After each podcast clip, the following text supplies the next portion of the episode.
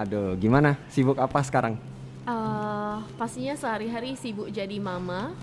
Uh, because ada perubahan dong di kehidupan pribadi anak saya dan juga uh, sekolah yang lagi saya urus itu pasti ada perubahan yang sangat besar sih. Jadi hari-hari memang uh, harus harus urus itu semua sih. Oke, jadi Ya. tambah rutinitas baru juga ya di Ya. samping masa pandemi ini ya. Ekstra. Oke, eh, mungkin Ci Agustin boleh perkenalkan diri dulu sebelum kita lanjut lebih jauh, biar teman-teman yang mendengar juga bisa ngerti lah latar belakangnya juga. Oke, Oke, silakan. oke. Eh, saya Agustin kan, basically eh, pekerjaan utama saya itu adalah sebagai seorang ibu. Saya punya satu anak perempuan, she's a beautiful daughter, 4 tahun. Oke. Uh, dan selain dari itu, I'm also a working mom sih. Jadi hari-hari itu sibuk mengurus uh, satu preschool, namanya Kid and Kin Preschool di Ah, Medan. Oke. Eh, preschool itu bahasa Indonesia ada ya? Apa ya Uh, istilahnya? prasekolah, Prasekolah. ya? prasekolah sih. Kalau PAUD itu apa lagi beda? Atau Itu gimana? pendidikan anak usia dini. sama Uh, dengan preschool atau beda? Sama sih sebenarnya kita bisa sebut PAUD ya PAUD Oke. Kid and Kin gitu ya Oke, kalau di PAUD. bahasa Indonesianya Oke, gitu. Berarti ada PAUD, preschool sama prasekolah ya, gitu lah. Istilah. sebutannya sih sebutannya. sebutannya, Oke, ya. siap, siap. Oke, nah ini menarik nih. Kenapa saya manggil Ci Agustin eh, untuk bicara hari ini? Karena kan bicara soal sekolah, terutama untuk yang level PAUD ya ini ya. Kita tahu belakangan ini jadi sedikit ada polemik sejak masa-masa WFH sebenarnya. benar-benar Nah, sekolah jadi sistem ngajarnya itu kan berubah menjadi online. benar Terus eh, ternyata solusi ini banyak juga perdebatannya di lapangan. sangat Iya kan, banyak pandangan yang berbeda, pendapat yang berbeda.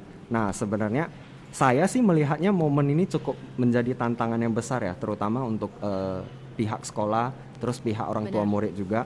Eh, jadi ini seperti ada dua sisi koin. Memang se- sangat susah untuk eh, melihat mana yang lebih relevan, mana yang lebih penting, mana yang tidak penting dan segala macam. Iya. Karena menurut saya dua-dua sama-sama penting ya Benar, gitu. benar. Nah, kenapa makanya eh, di sini tempat kita semua, di sini waktunya bicara gitu. Nah, jadi di Yes. sini saya memang sengaja ngundang Agustin Thank di you. sini untuk eh, berbicara lebih banyak, lebih jauh karena kan ini juga eh, biar nggak terlalu menjadi perdebatan yang nggak penting lah gitu. Maksudnya biar lebih jelas. Oh, sebenarnya Benar, ini yang terjadi.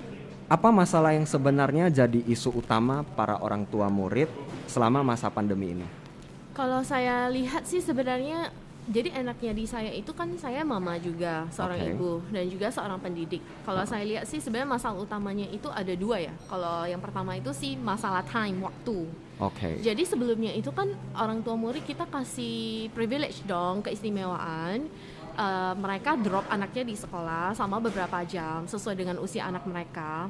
Jadi eh, ya kalau yang kecil maybe 2-3 jam, yang udah gede semakin dan semakin lama kan durasi dropnya di sekolah dan selama waktu itu orang tua bisa mengerjakan sesuatu yang eh, mereka harus kerjakan. Apakah itu Oke. pekerjaan rumah, apakah itu pekerjaan yang mereka yang mana merupakan pekerjaan utama mereka.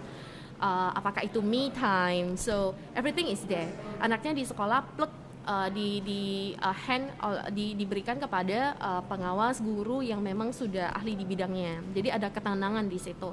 Tapi sekarang masalahnya adalah anak tidak bisa lagi ke sekolah. Jadi mereka harus berada di rumah. Jadinya semuanya campur aduk yang mana me time harus di sana tapi at the same time harus anak harus ada sesi online dengan sekolah uh, harus masak tapi ada sesi online oh harus kerjain ini admin ini itu itu tapi semuanya ada online. Jadi jadinya semuanya campur aduk time itu yang pertama. Yang kedua adalah uh, masalah di passion parents. Jadi saya dapat feedback dari beberapa parents yang info Miss saya dari lahir itu memang tidak digariskan menjadi seorang guru ya. Dulu ngajarin adik saya aja emosi nih. Jadi anak saya ini I don't want something to happen to our relationship gitu loh. Nanti bisa-bisa saya emosi. Gimana nih Miss gitu loh. Jadi semuanya jadi tidak sinkron passion mereka yang ti- tidak semua orang itu kan bisa jadi guru tidak misalnya saya bukan tenaga medis saya nggak bisa dipaksa untuk mengobati yang sakit kan jadi sama mungkin halnya uh, kira-kira perumpamannya sama sih. Jadi semuanya jadi campur aduk parents juga jadi bingung dan sebagainya. Itu masalah utamanya. Jadi sebenarnya dari masalah utama yang Agustin bilang tadi, eh, Kid and Kin sendiri udah melakukan apa aja nih sejak WFH terus uh, new normal seperti ini apa aja yang udah dilakukan? Uh, jadi dari tanggal 18 Maret itu kan hari pertama tuh uh, saya memutuskan untuk sekolah diliburkan dan memang beberapa hari setelah itu ya ada surat keputusan dari wali kota sih bahwasanya sekolah memang harus ditutup dulu sampai akhir Mei waktu itu akhir Mei ya. Lalu disusul oleh surat-surat keputusan yang berikut berikutnya. Jadi uh, saya rasa yang bisa saya highlight yang kita ingin lakukan itu pemberian home activity kit sih. Jadi home activity kit itu sebenarnya adalah uh, hands-on activities, aktivitas-aktivitas yang di mana anak-anak bisa langsung terjun uh, ada ada pepatah mengatakan involve me and I learn. So kalau misalnya mereka hanya diajarin melalui video conference oh belajar alfabet ini ya ditunjukin tunjukin usia 2 3 4 tahun bagaimana harus bisa mengerti kan? Dan bagaimana bisa lengket di mereka. Nah oleh karena itu kita mengerti bahwa anak-anak butuh hands on activities. Kita pack lah satu uh, satu uh, 10 8 to 10 activities sih di dalam satu bungkus aktivitas yang parents akan jemput dan kami relasikan atau integrasikan dengan video konferensi yang uh, di ini di diselenggarakan oleh guru. Jadi belajar apa di rumah juga sambil lihat sambil ngerjain apa gitu. Jadi sinkron. Itu sih yang yang kita lakuin. Nih, ini menarik nih uh, berbicara soal materi pengajaran lewat online learning sebenarnya plus minus untuk si anak itu ada nggak? Kalau misalnya ada itu kayak gimana gitu? Terutama kan setelah tiga bulan ini berjalan pasti uh, Kit and Kin sendiri misalnya si Agustin juga ada evaluasi dan melihat feedback dan segala macam kan. Mungkin boleh di sharing ke kita. Iya ya ini menarik banget ya. Karena sekarang spektrumnya itu jadi luas. Kalau misalnya dulu kita punya privilege di sekolah kita bisa menilai anaknya dari tingkah laku mereka dari perilakunya oh ini anak visual ini anak auditory ini anak kinestetik ya VAK learning style kita sesuaiin. Tapi sekarang masalahnya adalah uh, semuanya harus melalui satu metode saja online home based learning gitu. Nah um, masalahnya adalah beberapa hari aja sih mulai online learning langsung parents uh, memberi kami feedback. Bervariasi jadi satu info miss awalnya kan kita cuma tiga hari dalam seminggu nih onlinenya ya. Uh, lalu ada beberapa yang info Miss Selasa Kamis dia gak ada kerjaan loh Miss. Tapi dia uh, video conference videonya dia dia oke okay sih Miss. Dia suka sih. Selasa Kamis bisa di ini aja nggak? Bisa di on kan aja nggak? Gitu. Tapi ada juga yang info kita Miss jangankan tiga hari satu hari aja dia susah ini saya buka aktivitasnya aja sama saya mau kadang nggak mau kerjainnya jadi bervariasi kan nah memang bener banyak positif uh, negatifnya itu banyak sekali. Oleh karena itu kita sampai harus mendengar, kita harus berempati terhadap posisi orang tua. Dan oleh karena itu ya kita buat plan A, B, and C. Jadi siapa yang mau plan A yang lima hari bisa kita kita sediain. Yang mau plan B tiga hari itu go on. Yang mau plan C yang sekali seminggu video conference dengan guru dan hari-hari lainnya sekolah itu akan mengirimkan uh, rincian detail kegiatan-kegiatan yang kita sarankan parents bisa lakukan dengan anaknya kerjain halaman berapa, keluarkan aktivitas apa dari paket itu dan sebagainya. Jadi memang kita harus uh, treat the children differently sih. Jadi ini ini kelompoknya ini maunya bagaimana, cocoknya gimana. Tidak bisa menyamakan semuanya. Hmm, ini menarik nih. Berarti cara guru menilai itu juga pastinya berubah. Dulu kan mungkin sistem ujian. Kalau sekarang sistem online tuh kayak gimana tuh? ini memang uh, jadi challenge tersendiri ya. Mm-hmm. Jujur sampai uh, sekarang ini misalnya contohnya yang Juni ini kan seharusnya ada rapor tuh, ada checklist perkembangan. Tapi memang kalau di kita Engkin itu uh, preschool, uh, kami tidak menggunakan ujian sebagai uh, satu pedoman untuk menentukan kemampuan anak tapi lebih ke checklist perkembangannya. Jadi kalau dua tahun dia ada 72 skill yang mereka Oh, uh, jadi parameternya capai. bergantung ada, di sana. Iya, ya. ada di sana dan biasanya kami punya privilege itu untuk berada bersama mereka berapa jam gitu untuk checklist ya. Sekarang tidak ada. Okay. Uh, jadi kita kita jadinya terbalik nih sekarang. Jadi dua arah. Jadi kami mengirimkan list per minggu ke parents oh ini ya mami sisi non akademik yang anak bisa capai uh, ayo kita sama-sama perhatikan uh, kekurangan Berarti mereka orang gimana. tua kita ajak jadi ya, mitra kita gandeng tangan orang okay. tua dan orang tua saya harap uh, bisa happy dengan ini karena mereka jadi tidak kehilangan arah Hmm. anak saya pencapaiannya oh uh, ini ya ternyata Karena dia bisa melihat berdasarkan list-list tadi yang Iya. sudah disusun sekolah gitu Iya, istilahnya. jadi ya. not only by uh, searching from the internet dan sebagainya, tapi memang ada pedoman dari kami yang memang sudah tahu atau ahli di bidang ini. Hmm, oke, ini menarik sih. Mm. Nah, oke, bicara soal online learning kita sudah. Nah, tadi balik lagi ke masalah yang paling utama selain waktu. Tadi sempat disinggung sama Agustin yang menarik itu adalah eh, susah bagi waktu dari parents. Nah, karena alasan ini terjadilah fenomena yang kita mungkin sudah tahu beberapa itu soal uang sekolah diskon dan nggak diskon. nah, kalau Kid and Kin sendiri sebenarnya ada diskon atau enggak? Eh, waktu masa WFH itu ya sampai hari ini ya update-nya gimana terus kalau memang ada itu pertimbangannya seperti apa sih sebenarnya untuk Kid and Kin sendiri ya kita Iya, bilang ya, untuk kita sendiri uh, langsung sih dari bulan uh, tadi kan 18 Maret itu kan langsung harus sekolah diliburkan, tapi pasti pembayaran sudah berjalan ya kalau Siap. untuk Ya, bulan Maret benar. ya. Jadi dari April udah kami langsung tetapkan diskon untuk uang sekolahnya itu di 22% off. oke Uh, sampai sekarang sih masih masih diskon seperti itu Mm-mm. karena memang ini kelihatannya masih akan berjalan seperti itu. oke Uh, dan selain dari itu untuk uh, book dan material fee juga untuk anak murid yang aktif ya yang sekarang lagi bersama kami uh, kami juga kasih 25% off untuk itu Oke. kita tekan semuanya Hmm. Uh, pertimbangannya adalah kami mengerti bahwa pandemi ini uh, membawa efek yang sedemikian besarnya untuk Mhm. semuanya termasuk orang tua murid dan kami sendiri jadi uh, kalau ditanya Miss bisa kasih diskon lebih lagi nggak gitu kembali lagi saya rasa ini harus uh, win-win ya jadi bagaimana pihak sekolah bisa untuk uh, menutup biaya operasional bagaimana kita bisa uh, menggaji guru dan sebagainya.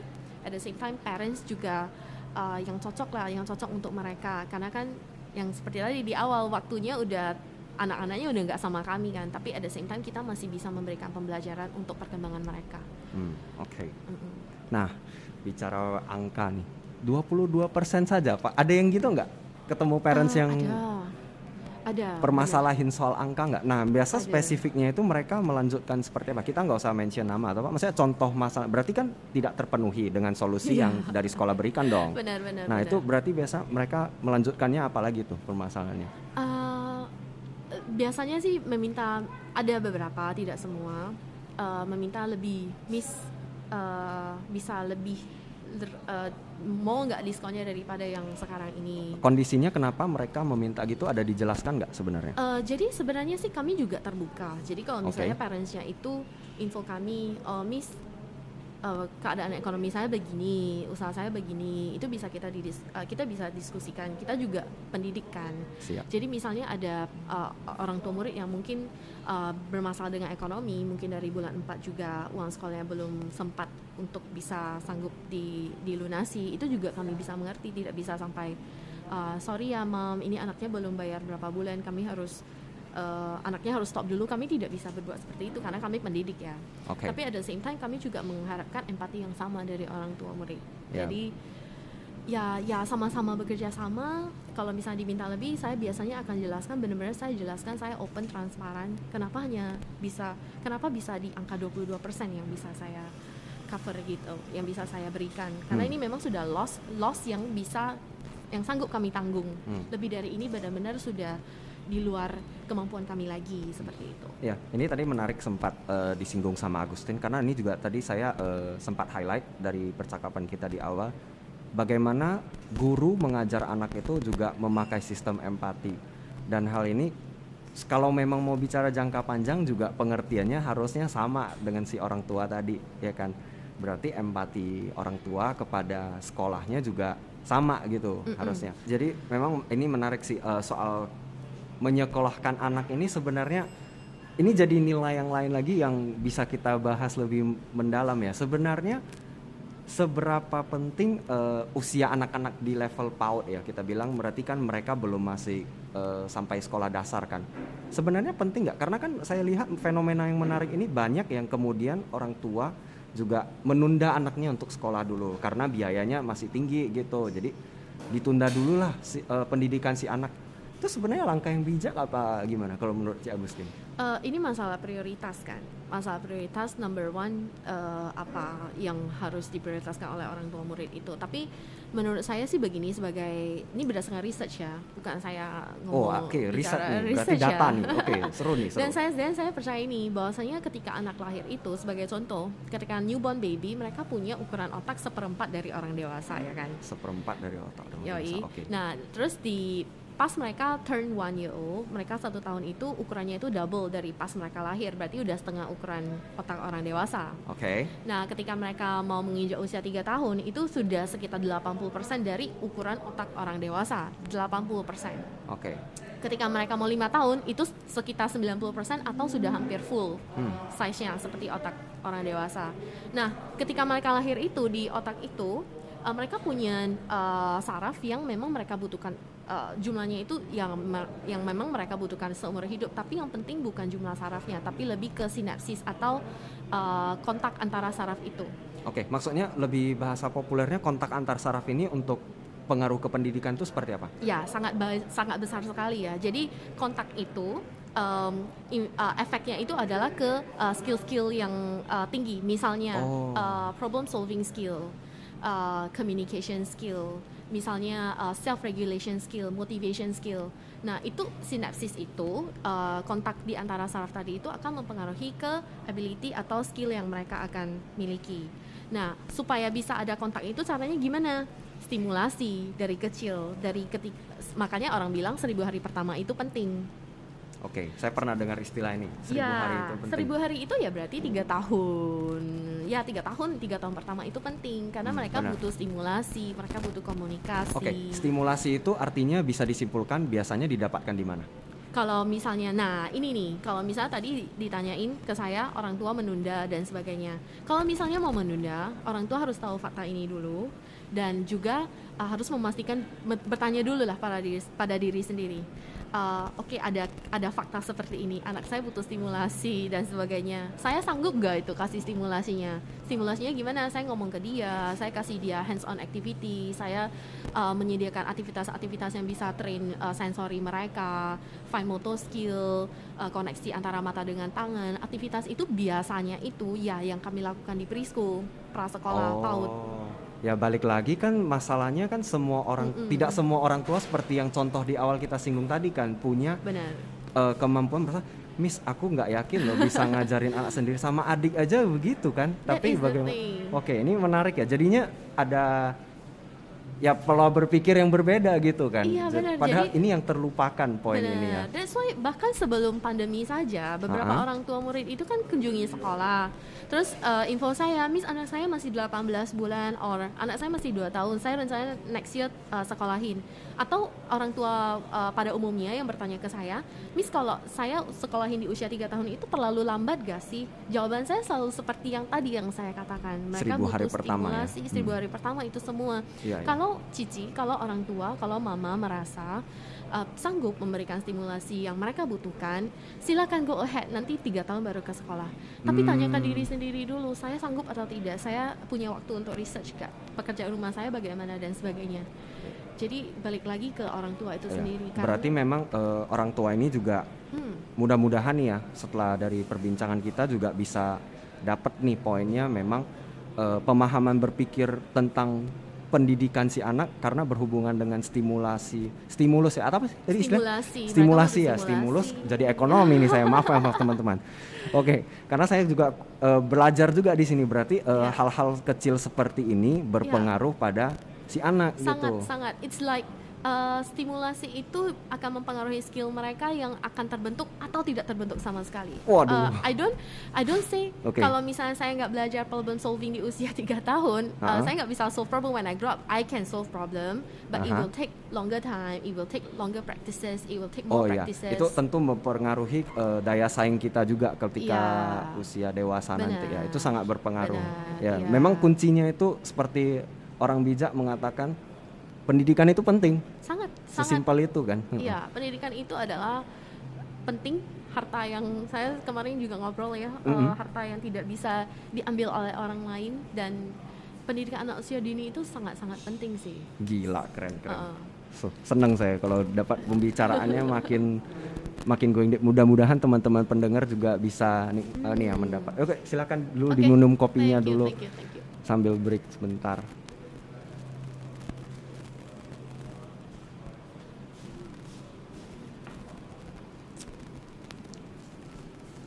Jadi kalau Ci Agustin ini coffee drinker atau Uh, yes, tapi yang I love coffee, Mhm. tapi yang nggak kayak saya hari ini kalau nggak ngopi bisa apa gitu tidak, tapi kalau udah minum happy sih, kalau minum happy Dapet ya mood joy-nya ya. booster. Sih, asik nih. sparks of joy ya. Oke oke. Nah balik lagi ke kita lanjut nih bicara soal eh, empati tadi deh misalnya eh, guru ke anak, tapi bagaimana dengan orang tua murid ke guru sendiri? Sebenarnya nasib-nasib guru ini dalam masa-masa pandemi ini seperti apa sih? Karena kita jarang mendengar sekali nih kondisi Iya, iya, mereka. Iya, iya. Sometimes uh, saya juga pikir uh, dunia saya itu cuman di dunia sekolah ini yang saya manage Kid Kin ini sendiri kan. Uh, saya berusaha untuk kayak maintain spirit mereka, kayak semangat mereka. Karena memang up and down sih kadang-kadang. Karena ada masa-masa di mana misalnya uh, kita yakin anak itu sebenarnya bisa, tapi karena kita juga kenal mereka itu bukan satu dua hari kan anak muridnya itu. Misalnya anaknya udah bersekolah dari bulan Juli tahun lalu sampai sekarang itu kan sebelum pandemi itu sedi- sedikit banyaknya kami sudah mengenal anak itu selama 8-9 bulan. Dan tiba-tiba sama pandemi ketika mereka diharuskan untuk uh, hands on bukan diharuskan disarankan untuk hands on mengikuti video conference kalau nggak bisa video conference pun tetap dari hands on pasti dapat sesuatu tapi ada parents yang mungkin give up karena masalah waktu mereka ataupun karena uh, inilah ya perilaku anak yang mungkin terhadap orang tua yang lebih manja dan sebagainya. Tapi sebenarnya itu kan ada solusinya kan. Uh, jadi mereka hanya menyerah dan sebagainya. Guru jadi down. Oh miss sebenarnya ini anak bisa loh gitu loh. Kenapa parentsnya give up? Uh, Jangan dong gitu kan. Jadi uh, spirit mereka tuh up and down. Nah terus saya juga dapat ini sih kita kan ada grup chatnya sih uh, let's say Medan gitu kan. Guru-guru yang dari berbagai background sekolah yang berbeda-beda. Ternyata oh masalah ini bukan di kita ingin aja sih. Ternyata banyak uh, parents lain juga yang demikian. Nanti ada yang curhat di grup nggak kenal sih padahal tapi curhat. Jadi saya tahu itu tulus dan itu benar adanya. Aduh bu ini ada murid yang uh, keluar Uh, nanti mamanya rencana satu tahun ke depan tidak mau lagi sekolah nanti baru dilanjutkan tahun depan. Ini anak mau bagaimana ya? Pas masuk perkembangannya sudah segini. Pas masuk awal nangis nangis dua bulan. Sekarang tiba-tiba udah settle diberhentiin. Ada juga yang uh, aduh gak jadi masuk nih anak murid baru Juli ini. Jadi curhatannya banyak banget lah dari guru-guru. Hmm. Hmm. Memang eh, ini jadi polemik sendiri lah Ya. gitu kan. Jadi mungkin biar teman-teman men- yang mendengar juga bisa dapat lah. Se- Hmm. Mudah-mudahan secara garis besarnya, oh di sini pemikirannya seperti ini, di bagian guru Ya, ternyata guru begini. begini ya. Ya, memang semuanya ini kan kita kan satu ekosistem kan kalau Iya. kita bilang bukan cuman oh ya lu lagi susah ya yang lain juga susah gitu bahasa anak mudanya lah gitu ya kan. Oke, menarik nih. Eh, setelah masa WFH nih kita udah lewat nih kita bilang sekarang kan udah mulai nih eh, era new normal lagi ngetren istilah ini kan populernya. Nah, kira-kira tantangan besar yang Kid and Kin akan hadapi itu seperti apa? Terutama sebagai PAUD tadi ya kita bilang ya. super big ya saya lihat ya kalau PAUD ya Eh, karena ada orang yang berpikir ada orang tua murid yang mungkin berpikir "A- ini adalah jenjang pendidikan yang bisa ditunda atau yang tadi lagi kan ditunda kan jadi kalau nggak sekarang nanti deh tahun depan atau Januari kita lihat kondisinya bagaimana Eh, kita hormati kita hargai keputusan orang tua apa pun itu karena memang kembali lagi saya yakin orang tua itu tahu yang baik ya untuk benar. anaknya. Mungkin juga dia memang bisa menghadirkan stimulus-stimulus Benar. tadi kita bilang kan. Jadi Mm-mm. mana tahu ternyata bisa di rumah ya kan benar, stimulasi benar. kasih ini kasih itu. Jadi kita hargai. Uh, cuma memang tantangan terus. Tapi kan ini adalah sesuatu yang jadi pertanyaan juga bisa nggak ya? Terus loh pas video conference oke kok anaknya mau kok tapi kok diberhentiin ya gitu-gitu. Jadi tantangan terbesarnya sih uh, menunggu deg-degan, menunggu karena ini seperti bulan 6 uh, ada ada sebagian orang tua murid yang merasa ini ada exit window. Hmm, exit- oh ya ya karena Exit ini window. biasa untuk naik kelas iya, gitu ya. Jadi uh, saya hargain sekolah deh atas usaha keras mereka dan uh, saya join sampai Juni ini. Di Juli sudah plannya sudah lain. Uh, dan plan itu saya ingin ingin sekali sih menghimbau banyak ya ke parents ya. Uh, banyak hal yang harus dilihat dulu sebelum membuat satu keputusan karena itu efeknya ke anak itu besar ya. Kecuali kita kita uh, exclude masalah ekonomi ya. Ini masalah Okay. kalau kalau sanggup kalau waktu ada dan sebagainya. Jadi itu tantangan terbesarnya ada menunggu kelanjutan mereka untuk di Juli. Eh, yang kedua adalah eh, kami juga tahu anak udah 3-4 bulan online learning. Jadi ke depannya itu kita lagi create lesson plan yang ada sparks of joy-nya. Jadi tidak hanya melulu se- seperti yang sudah mereka hadapi 3-4 bulan ini harus ada sesuatu lah something else yang mereka walaupun join online tapi bisa tetap happy.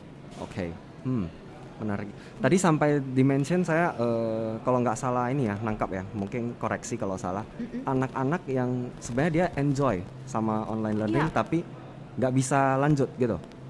Iya, karena eh, saya tidak mau menilai atau saya tidak Ya. mau judge, tapi Mhm. memang ada ada anak murid yang mungkin di akhir bulan ini ini benar-benar kejadian di akhir Hmm. bulan eh, orang tua telepon sekolah dan sekolah sudah memberikan beberapa pilihan. Oh jangan dong ma, jangan diberhentiin soalnya dia pas video conference dia happy, gurunya juga kasih kasih feedbacknya juga oke.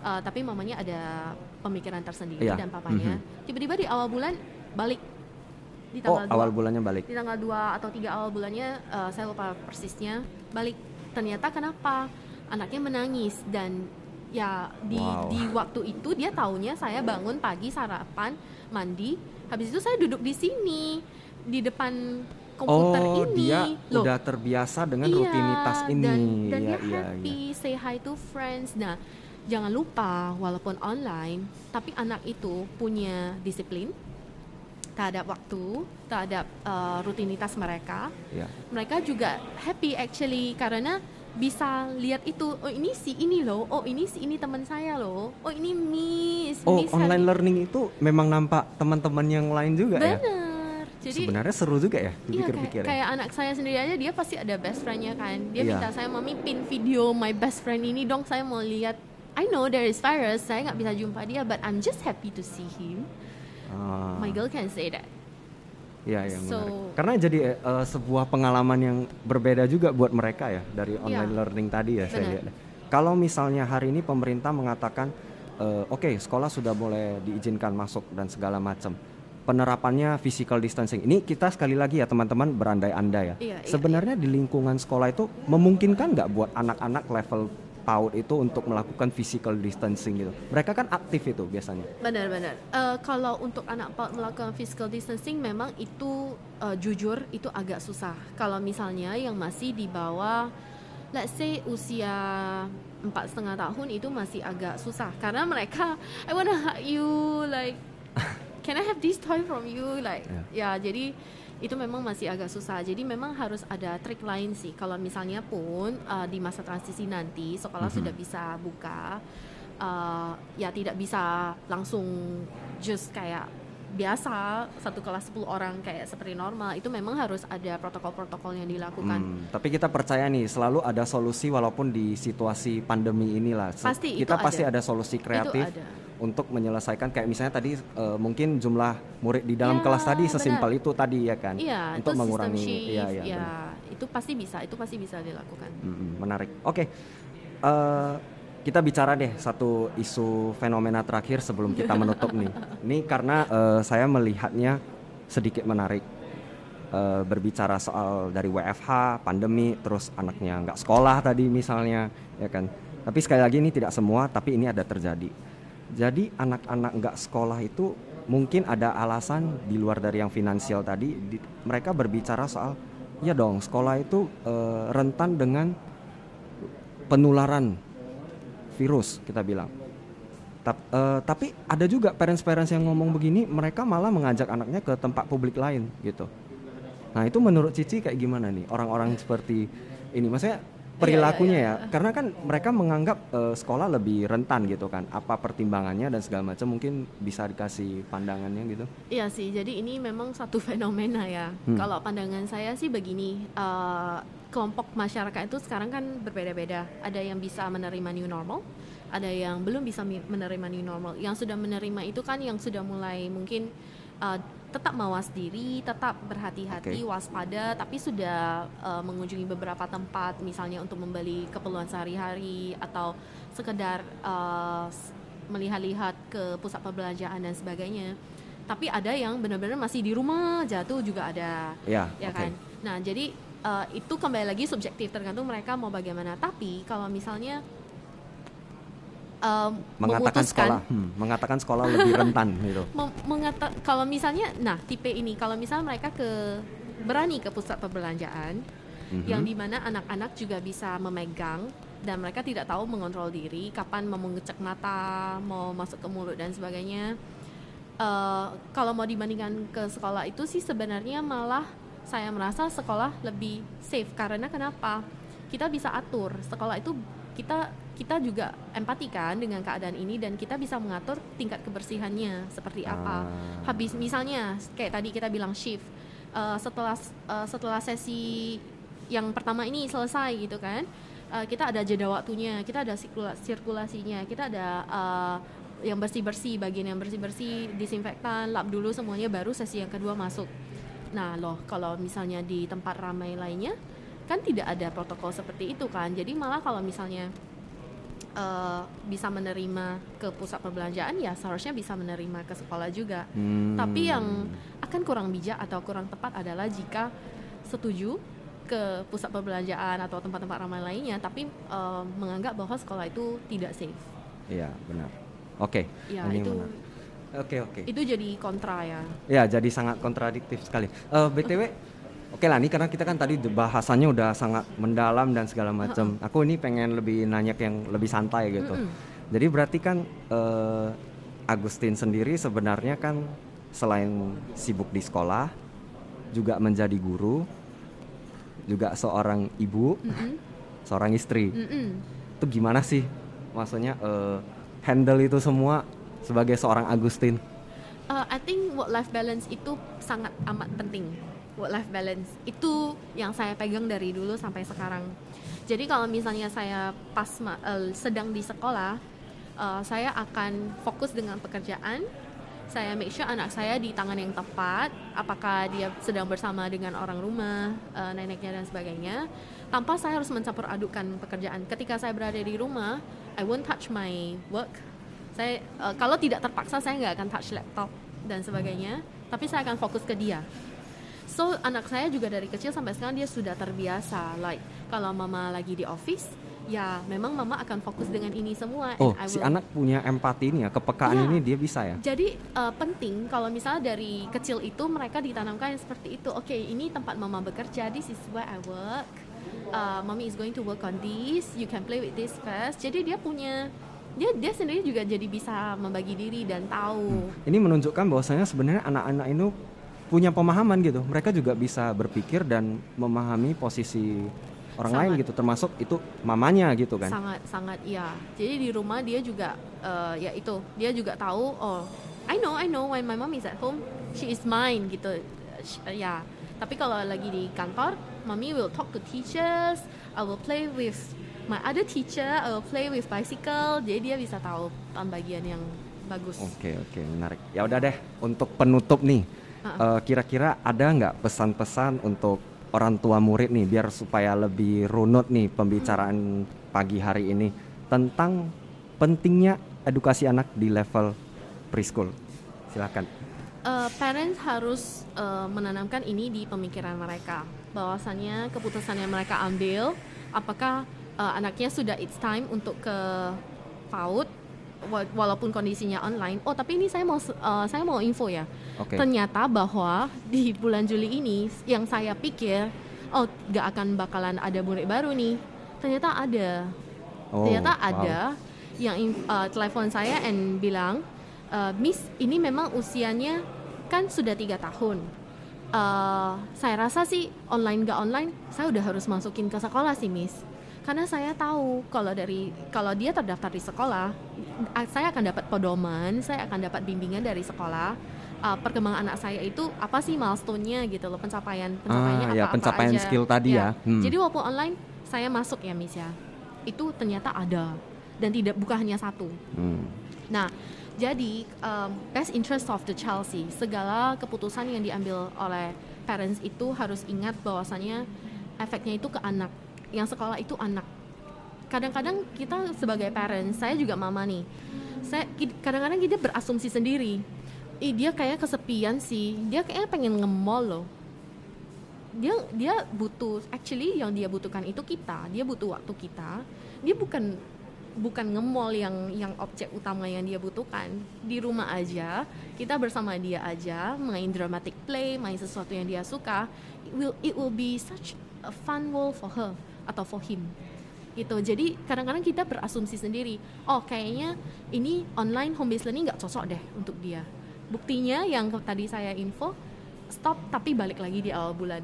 Hmm. Um, kalau kalau misalnya saya salah berasumsi, I mean berartinya parentsnya mungkin kurang ini ya uh, miss satu poin deh. Ternyata anaknya bisa merindukan gurunya gitu loh. Jadi kita harus lihat lagi, tanya lagi dia, uh, tanya kita diri kita sendiri juga. Have I done enough? Uh, saya udah kasih time nggak uh, untuk ini semua?